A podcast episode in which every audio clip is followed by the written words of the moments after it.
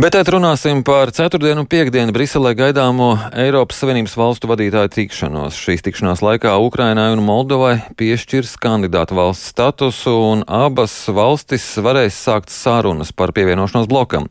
Un par šo sanāksmu un tās nozīmību nākamajās minūtēs runāsim ar Kembridžas Universitātes starptautiskās drošības pētnieku Tomasu Pildegoviču. Labrīt! Labrīt! Jau no brīža, kad Eiropas komisija ierosināja piešķirt Ukrainai Eiropas Savienības kandidātu valsts statusu, no amatpersonu puses izskan pārliecinoši apgalvojumi, ka tā arī notiks, ka valstu starpā valda vienprātība. Ir tiešām pamats šādam optimismam, nekādi pārsteigumi ceturtdien, piekdien nevar parādīties.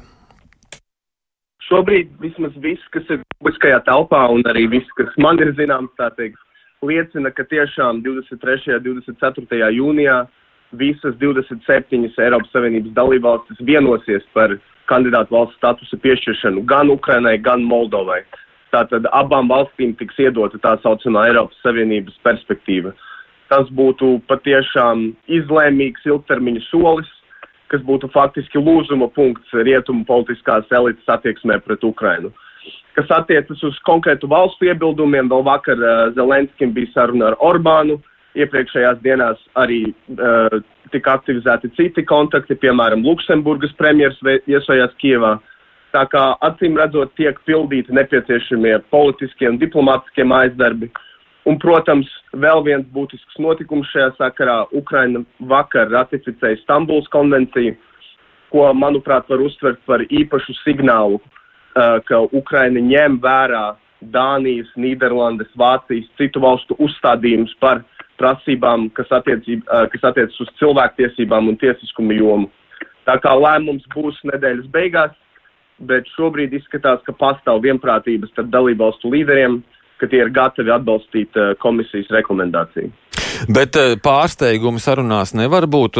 Kāda valsts eh, nevar pēkšņi vēlēties kaut ko ietirgot eh, par savu atbalstu šim lēmumam? Nu, es, protams, protams, to ir grūti paredzēt, bet šobrīd izskatās viss, kas ir izskanējis publiskajā telpā un arī to, ko ziņo dažādi veidi eksperti un analītiķi, izskatās, ka vienprātība ir panākta. Protams, ka daudzās Eiropas Savienības dalībvalstīs noskaņojums par paplašināšanos ir sarežģīts. Uh, ir tas iet runa īpaši par, uh, protams, vecajām dalībvalstīm, nevis jaunajām par Beneluksa valstīm, par Franciju. Taču šobrīd izskatās, ka tas kurs uh, uz, uh, ka vienota izpratne par šo jautājumu ir panākta. Uh, bet uh, ko šis uh, kandidātu valsts status Ukrainai dos? Tam būs kāda praktiska nozīme, ja tas tikai tāds būs simbolisks solis? Es domāju, ka tas nav tikai simbolisks solis. Kopumā lēmums ir drosmīgs, ambiciozs, bet vienlaikus arī samērīgs ar kara realitāti. Un lēmums kopumā ir drosmīga atbilde Putina mēģinājumiem, tā teikt, ar varu atgriezt Ukrainu Krievijas ietekmes sfērā. Uh, kas attiecas uz uh, praktiskiem ieguvumiem Ukrainai. Pirmkārt, šis lēmums var palīdzēt Ukrainai šajā smagajā kara posmā. Tas nenoliedzami būtu spēcīgs politisks signāls, kas var arī iedvesmot Ukraiņas cīņas sparu šajās smagajās nedēļās. Tātad tas ir signāls, ka Ukraiņas piedarība Eiropai nav tikai politiska retorika, tā ir apņemšanās veidot kopīgu savienību. Un arī šis lēmums būtu liels pluss Ukraiņas tēlam, uh, faktiski uh, ar šo lēmumu Ukraina ģeopolitiski izkļūst no pelēkās zonas, no Krievijas ēnas, no tādām NVS atliekām. Uh, un vēl varbūt viens praktisks ieguvums, kas ir jāatzīmē, ir, ka uzsākot šo procesu, visām Eiropas komisijas struktūrām tagad būs intensīvs dialogs, daudz ciešāka miedarbība ar Ukrainu. Un uh, jautājums ir, kad varēs uzsākt reālas sarunas par iestāšanos. Protams, pret, nu, pret kara fonu par šo tātad vēl ir grūti spriest. Jā, par Ukrainu izskan tas, ka viennozīmīgi saņems kandidāta valsts statusu, aicinās tātad uz šo procesu. Moldova šajā brīdī kaut kur paslīd galrām. Kā ar Moldovu tur arī ir viennozīmīgi skaidrs? Viss liecina, ka arī Moldova saņems uh, pozitīvu lēmumu. Uh, acīm redzot, Eiropas Savienības dalībvalstu līderi un arī Eiropas komisija novērtē, ka faktiski pirmo reizi kopš neatkarības Moldova ir uz reāla pro-eiropeiska reformu ceļa.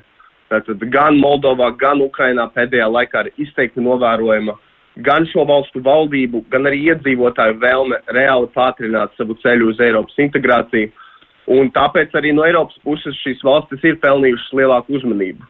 Tātad no Eiropas puses arī aug politiskā griba nenokavēt tādu vēsturisku iespēju logu neatstāt šīs valstis Krievijas ietekmes sfērā.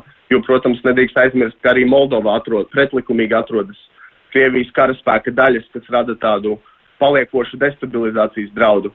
Par Moldovu varbūt vēl var pieminēt arī līderu faktoru. Ir skaidrs, ka gan Ukrainas prezidents Zelenskis, gan prezidente Maija Sandu ir atstājušas, acīm redzot, ļoti pozitīvu iespaidu Briselē, vairojušas uzticību, un tāpēc es domāju, ka arī Moldova saņems pozitīvu lēmumu. Bet kāpēc Moldovai jā, bet Gruzijai nē? Nu, patiesībā sakot, ja salīdzinām Grūzijas un Moldovas vai Grūzijas un Ukrainas progresu pēdējos gados, nu tad Grūzijā ir novērojama stāvēšanos vietas vai varbūt pat regress. Tātad uh, Eiropas komisija ir izvirzījusi dažādas pretenzijas pret uh, Grūzijas, uh, teikt, politisko skatuvi, tīpaši attiecībā uz uh, tādu ekstremālu politisku polarizāciju un oligarhu ietekmi valsts iekšienē. Nu, Grūzijā ir novērojama iekšēja politiska šķelšanās. Valdība ir jau ieldzis konflikts ar prezidenti, un arī Sakašvili uh, prāva noteikti nomelno uh, Grūzijas reputāciju gan Eiropā, gan ASV. Un varbūt arī aspekts, kas Latvijā ir ticis pamanīts, ir Grūzijas valdības ne, ļoti tāda neviennozīmīga attieksme attiecībā uz Putina iebrukumu Ukrainā. Grūzija ir atteikusies pievienoties rietumu sankcijām, pievienoties Eiropas Savienības tādām ārpolitikas vadlīnijām attiecībā uz Putina agresiju. Nu, un tāpēc Grūzija uz doto brīdi paliek tādā kā uzgaidāmajā telpā, var teikt, kas varbūt pats par sevi nav neatgriezeniska traģēdija. Piemēram, varbūt daudzi neatceras, bet arī Latvija piedzīvoja līdzīgu šķērsli mūsu ceļā uz Eiropas Savienību, jo komisija uzsāka sarunas ar Igauniju ātrāk, un Latvija iepalika pa diviem gadiem. Taču mēs, var teikt, sakodām zobus, piecietām varbūt zināmu iekšēju pazemojumu, bet beigās panācām Igaunus un iestājāmies vienlaicīgi. Tā kā ir jācer, ka Grūzīņi izdarīs pareizos secinājumus. Kā redzam, tauta jau mobilizējas, iet ielās. Vakar, tā, tā, tā teikt, pirmdien bija notika milzīgs maršs, tā teikt, tautas sapulce Tbilisī.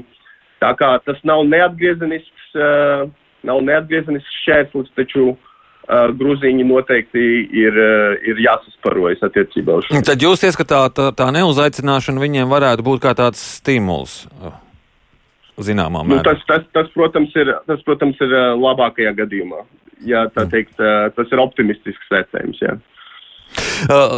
Pieņemsim tagad, tad Ukraina un Moldova saņem šo kandidātu valsts statusu. Cik ilgs laiks varētu paiet, lai šīs valsts reāli varētu iestāties Eiropas Savienībā? Kas attiecas uz Ukrainu, protams, karš ir faktors, kas ja, nes ļoti daudz nezināmā. Un ir ļoti grūti spriest, uh, kādu, cik, cik ilgi tas ilgs, kādā, tā teikt, uh, in, ar kādu intensitāti, jo ir skaidrs, ka kara apstākļos ir ļoti grūti runāt par ekonomikas uh, pielāgošanu standartiem vai par tirgus reformu un tam līdzīgi. Un, protams, nevienam nav ilūziju, ka šīs valstis, uh, šīs potenciālās kandidātu valstis turpina vajāt ļoti daudz problēmu ar tiesiskumu, korupciju, oligarhu ietekmi, uh, organizēto noziedzību, taču šīs iestāšanās process uzliek zināmu rāmi un palīdz šīs lietas kārtot. Tas, tas uh, radīs apstākļus, lai pātrinātu šo valstu integrāciju. Tā kā sarunas noteikti būs sarežģītas, kā mēs to redzam arī Balkānos, tātad vai Turcijas gadījumā, kur viss ir, kur viss ir apstājies.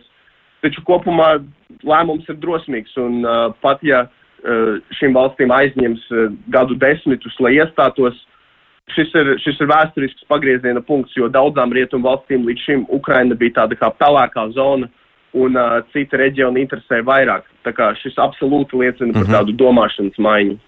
Jā, man jāsaka jums paldies par šo sarunu. Atgādinu, ka mēs sazinājāmies ar Kembridžas Universitātes starptautiskās drošības pētnieku Tomasu Pildegoviču un runājām par ceturtdienu un piekdienu Briselē gaidāmo Eiropas Savienības valstu vadītāju tikšanos, kuras laikā Ukrainai un Moldovai piešķirs kandidātu valsts statusu.